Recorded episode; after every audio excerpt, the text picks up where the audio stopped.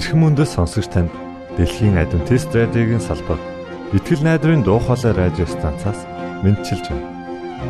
Сонсогч танд хүргэх маань нэвтрүүлэг өдөр бүр Улаанбаатарын цагаар 19 цаг 30 минутаас 20 цагийн хооронд 17730 кГц үйлсэлээр 16 метрийн долгионоор цацагдж байна. Энэхүү нэвтрүүлгээр танд энэ дэлхий дээр хэрхэн аз жаргалтай амьдрах талаар зарчим болон мэдлэгийг танилцуулахдаа бид таатай байх болноо. Таныг амарч байх үед аль эсвэл ажиллаа хийж байх зур би тантай хамт байх болноо.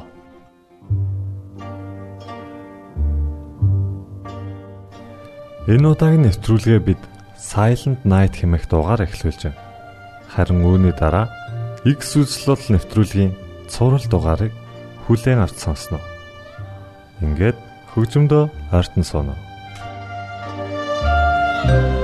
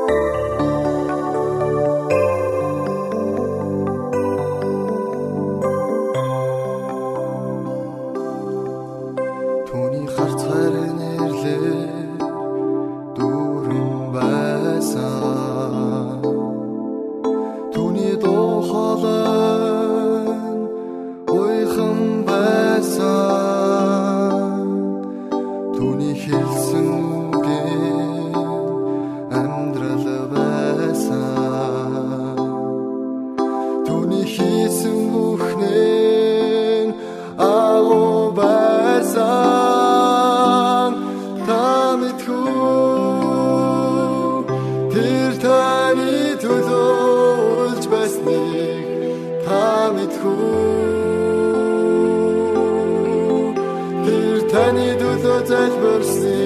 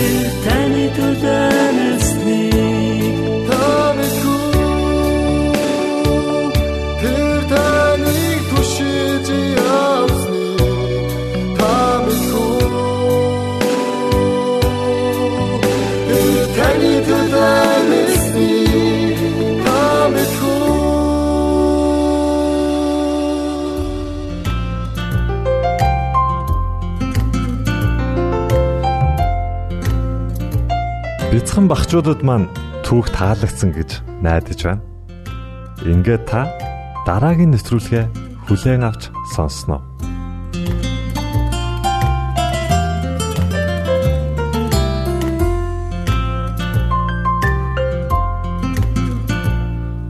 Гимшлийн үчил Өөрт байгаа минь буруутгал өөлж хэлэх алдаа дутагдлууд Ядарч цөхөрсөн хоосон зүрх яг үнэндээ юу ч алгаа миний дотор гадна. Тантай уулзахад яагаад ийм хэцүү байдгийг таныг олж харахад яагаад ийм хол байдгийг хизээ танаас ингэж холдосноо хэлж мэдхийг хүсвч би чадахгүй. Хариулаач гэж танаас асууж бас зөрөглөхгүй. Тэрнээс цааш санахгүй аймаар Твчиж чадаагүй бараан, хар, улаан, цагаан буруутгал тэнд ч энд ч зуралдсан энхэн нэгэнтэй. Ачаа маань даанч хүнд болжээ. Аваачтэй гэж танд бас гомдолсон. Тэврүүлж байсан би таны хайранд дун чолон удаа. Тэгээд бүр үүрүүлж байсан таны нуруунд өдөр бүрл. Амтгүй байна гэж амьдралаа танаар бас амтлуулсан. Тэгээд хатуу байна гэж замаа хүртэл зөөллүүлж байсан танаар. Бэрх байна гэж буулгаа хүртэл танд өгсөн өгсөн буцаад ирэхэд байж байгаа ч гэд бурхан таныг би энд хүлээлгсэн. Хэрэг бурхан таны төвчээрт хязгаар гэж байдаг бол хязгаарт тань хүртэл таны гомдоосноо би мэднэ. Буцаж хизээч байгаагүй таны хайр Хувиршгүйг би бас мэдсэн. Буцаад намайг ирэхэд та хүлээлгсэн газараа байж л байсан. Ивэл гэж яг үнэндээ танд эргэн олдохыг олж харлаа. Ирээдүгэ гэж таны дотор дахин дахин хорогдохыг найдаж харлаа. Инрэл гэж таны өршөөлд дахин дахин багтахыг зүрх мэдэрлээ. Итгэл гэж таны твэрт бүхнээ бүрэн даатгахыг анзаарч харлаа. Хизээч билээ хинэгнэн надад олоон жилийн өмнө хайртай гэж хацар улайтал хэлж байсан нь санагдна. Хийгээгүй буруугүй төлөө хачин хитсэн нь бүр түүрхэн санагданаа. Харин өнөөдөр надад хизээч мартагдад сарнихгүй хаач намайг ичээж улаалгахааргүй эгэл хэрнээ эзэн химэн тунхаглагдсан игнишгүй харин бурхан надад гараа сунгаж байна. Яг одоо та тэр гарыг харж болно. Яг өмнө чинь Есүсийн халуун дулаан амар тайван оршихуй байна. Та ч үнээс хүртэх бүрэн эрэхтэй та зүгээр л гараа сунгаж түүнийг хүлээн аваа.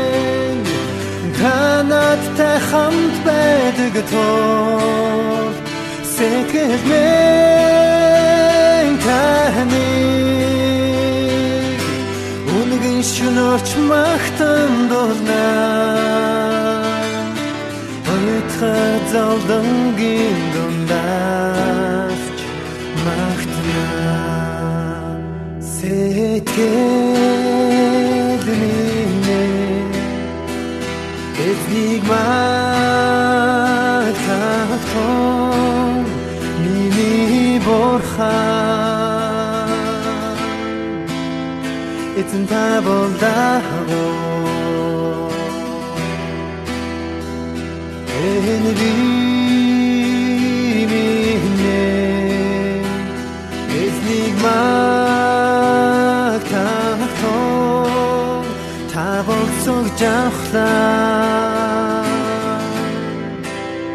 Сүрхүчээр хоцолсаа. Сэрүм бай хатмэ Канаттай хамт байдаг тоо Сэтгэлэн тань Үнэн шүнөрч маа.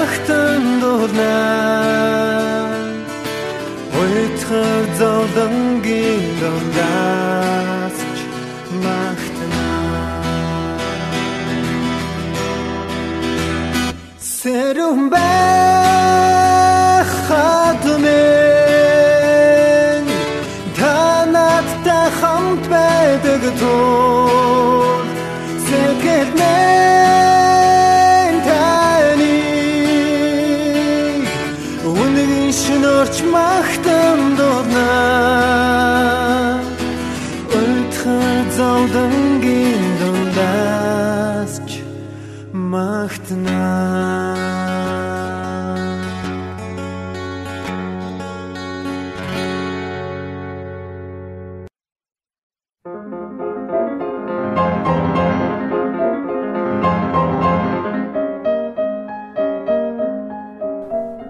зохиолын цаг.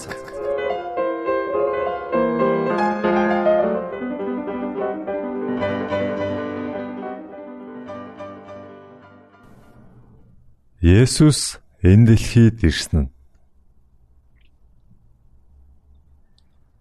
Галилийн уул толгодын дунд аших Назар хэмээх бяцхан суурьнд Йосеф Мари хоёр амьдран суудаг байв. Тэд Есүсийн дэлхийд ирэх эцэг эх нь болох болно. Йосеф бол Давид хааны удам. Тэр цагт Ромчууд ард иргэдээс татвар авах тушаал гаргахад Давидын хот болох Бэтлехэм рүү татвараа төлөхөөр Йосеф явах болжээ. Тэр цагт нааш цааш аялна гэдэг амар хэлбэр байсангүй. Мария нөхөртөөгөө Бэтлехэм явах Барта төгсүр замаар явсаар ихэд ядарчээ. Хөөхий бүсгүй тухтай сайхан амрах газар хүрсэн гэж хичнээн хүсэж байсан бол харамсалтай нь ойцсон газарт нь дэм буудлууд хэдийнэ дүүрсэн байлаа. Баян эрх мэдэлтэй нэгэнд тогтой сайхан газар олдож байхад хөөхий энхүү даруухан аялагчд малын сарвчанд хоноглохоос өөр аргагүй боллоо.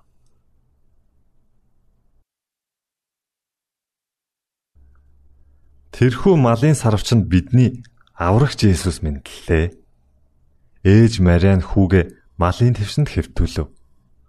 Ийхүү даруухан твсэнд сүр жавхлангаараа Тэнгэрийг гүйвлэгч дээд бурхны хүү нойрсож байлаа. Есүс дэлхийд ирэхээс өмнө Тэнгэрлэгч нарын удирдахч байсан.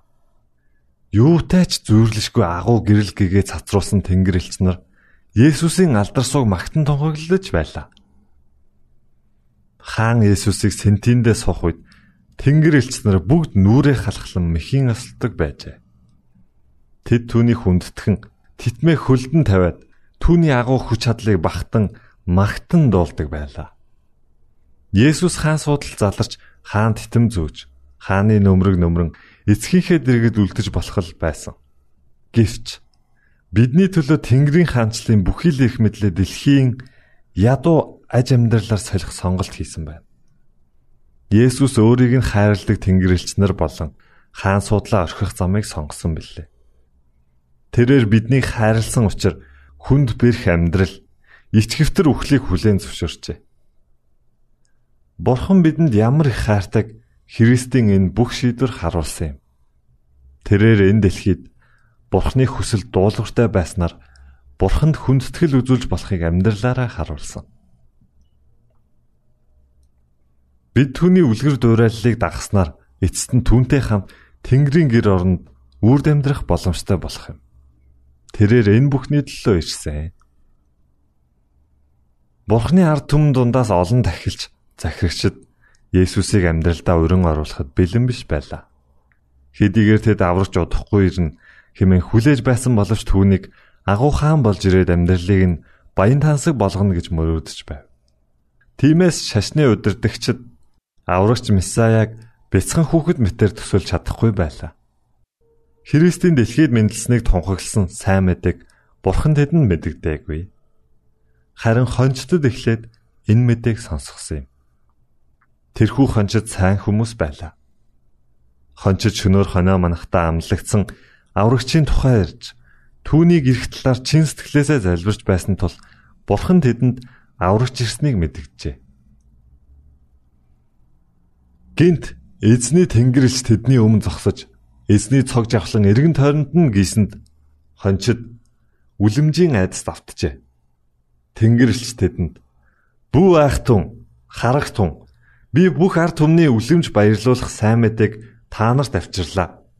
Өнөөдөр Давидын хотод аврагч эзэн Христ та нарын төлөө мэдлэлээ. Тэжээлийн твшинд байх даавууд өлгийцэн нэлэх хүүхдийг та нар олж харна. Энэ нь та нарт тэмдэг болно" гэж хэллээ. Гинт өнөөх тэнгэрлэгчтэй хамт олон тооны тэнгэрлэг дайчид үзэгдэж бурхныг магтан дээр өндөрт алдарн бурханд байх болтугай. Доор газарт амар тайван нь түүний тааллыг олсон хүмүүст байх болтугай гисгэж байлаа. Тэнгэрлэгч нар тэднийг орхин тэнгэр өөд одсон хончид бие биедээ одоо шууд Бэтлехэм рүү очие. Эзний бидэнд мэдүүлсэн зүйл бүтснийг үздцгээе гисгэж байлаа. Тэд яаран ирж Мария, Йосеф болон тэжээлийн твшин дотор хөвтөж буй хүүг олж очив. Тэд үүнийг хараад мөнөх хүүхдийн тухай сонссон үгээ мэдүүллээ. Хончдын ярьсан зүйл нь сонссон бүгдийн гайхлыг төрүүлжээ. Харин энэ үгийг Мария зүрхэндээ тунгаан бодож энэ бүхнийг нандинан хадгалсан юм. Йосеф Мария хоёр еврей үндэстэн тул ёс заншлаа дагах учиртай байлаа. Тэд Есүсийг 6-7 хоногтой болоход нь Иерусалимийн сүмд Бурхан даатгахаар авчирлаа. Энэ нь Бурханаас Израильчуудад өгсөн тушаалын дагуу үлддэг ёслол байв. Есүс хүүхэд байхасаа л аливаад хүндэтгэлтэй дуулууртай ханддаг байсан. Бурхны хүү Тэнгэрийн хаан хүү бидэнд дуулууртай байдлын үлгэр дуурайлыг заан сургаж байв. Аливаа гэр бүлээс зөвхөн ууган хүүгэл сүм даатгадаг байжээ. Энэхүү ёслол нь олон жилийн тэртет болсон үйл явдлыг сануулдаг гэж. Израилийн хүүхдүүд Египтэд боочлогдож байх үед эзэн бурхан Израильчуудыг чөлөөлүүлэхээр Мосег илгээсэн. Эзэн бурхан Мосед хэлэхдээ Тэгэхэд чи фараонд эзэн ингэж айлдаж байна. Израиль бол миний хүү, миний ууган хөвгүү Тиймээс би чамд миний хүүг явуул. Тэр надад үйлчлэг гэсэн боловч чи түүнийг явуулахаас татгалцсан. Үзэгтэн би чиний хүүг ууган хөвгүнийг чинь ална хэмээн хэл гэжээ. Энэ үгийг Мосе хаанд дамжуулсан. Харин фараон эзэнгэгч хэн болоод Израилийг явуул гэсэн юм бэ? Түүний үгийг би яагаад авах ёстой юм бэ? Би эзнийг мэдэхгүй. Израилийг ч явуулахгүй гэж хэлв. Ингээд эзэн бурхан Египтчүүдийн дээр аимшигт гамшиг илгээв. Хамгийн сүүлчийн буюу 10 дахь гамшиг айл бүрээс буюу эгэл ард хаад ноёдын жалгаагүй ууган хүүгийн амийг авах гамшиг байлаа. Харин эзэн бурхан Мосед Израиль айл бүр хураг гаргах ёстой гэж тушаасан. Израильчуудын төхөрсөн хургийнхаа цусыг гэрийнхээ хаалганы тотхондоо түрхэх ёстой байв. Энэ үйлдэл нь Израиль айлын дээгүр үхлийн элч өнгөрсөн ч хэнийг ч устсахгүй ба харин бардам ирэх бардам ихэмсэг Египт айлын дээрээс үхлийн сэтгэл буухыг бэлэгдсэн байв. Дээгүр өнгөрөх ёслолын энэ цус бол Христийн цусыг төлөөлж байгаа гэдгийг еврейчүүдэд сануулдаг юм. Цаг нь болохоор бурхан өөрийн цорын ганц хүүгээ тэр хураг адил өргөл болгон илгээхэд хүүд итгэгч хүн бүр мөнхийн үхлээс аврагдах болно. Библиэд Христийг бидний дээгүр өнгөрөх баярын хураг гэжээ. Итгэлээр бид түүний цусаар аврагдана. Ийхүү Израиль айл бүр эрт цагийн тэрхүү үхлийн гамшигаас Үр хүүхдүүд нь аврагдсныг санан дурсаж ууган хүүгээс хүм дагдадаг болсон бөгөөд энэ нь хүм бүр мөнхийн үхэл гим нүглээс аврагдах боломжтойг бэлэгддэг ажээ. Сүмийн тахилч ууган хүүг гар дээрээ өргөн тахилын ширээний өмнө аваачдаг. Ийхүү ууган хөвгүүдийг бурхны өмнө даатгадаг байлаа. Тахилч хүүг эхтэн буцааж өгөөд хүүгийн нэрийг Израилийн ууган хөвгүүдийн нэрс бичсэн хуйлмал бичээс эсвэл номонд бичдэг байсан. Үүнтэй адил Христийн цусаар аврагдсан хүн бүрийн нэр амийн номонд бичигдэх болно. Та уран зохиолын цаг навтруулыг бүлээн авч сонслоо. Дараагийн дугаараар уулзтлаа. Түр баярлалаа.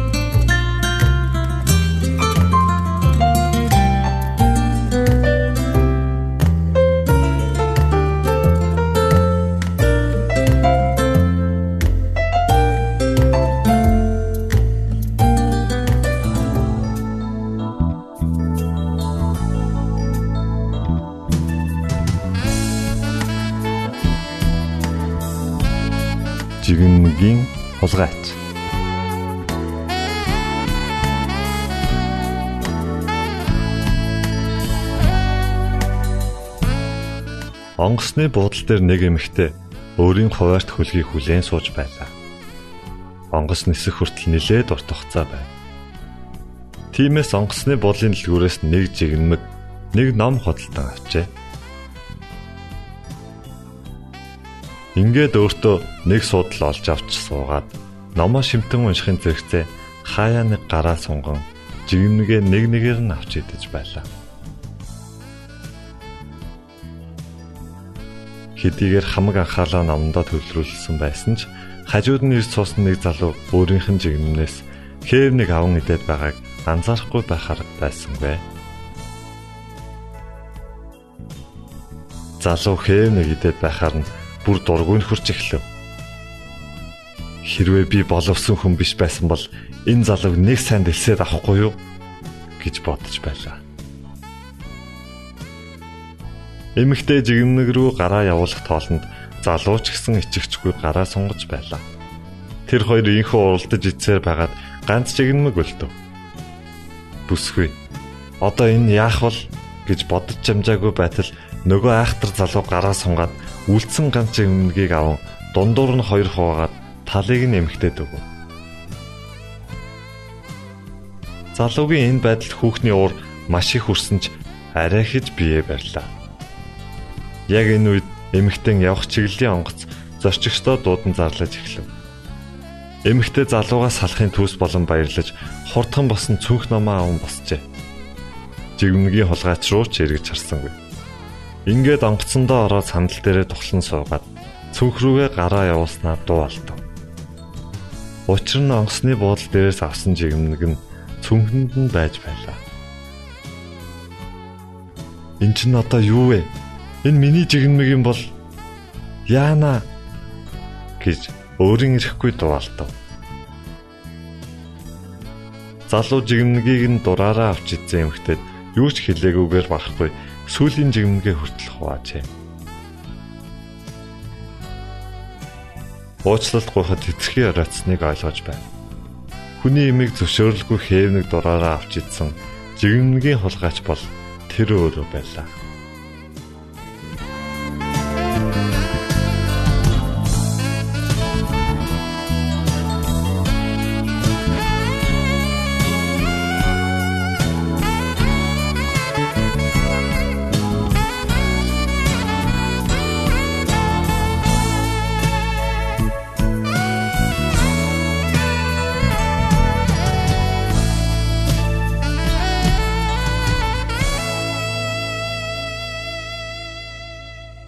Итгэл найдрын дуу хоолой радио станцаас бэлтгэн хөрөгдөг нэвтрүүлгээ танд хүргэлээ.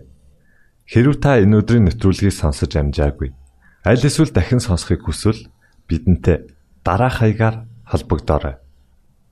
Facebook хаяг: Satiin үсгээр Монгол заавад AWR Имэйл хаяг: mongol.awr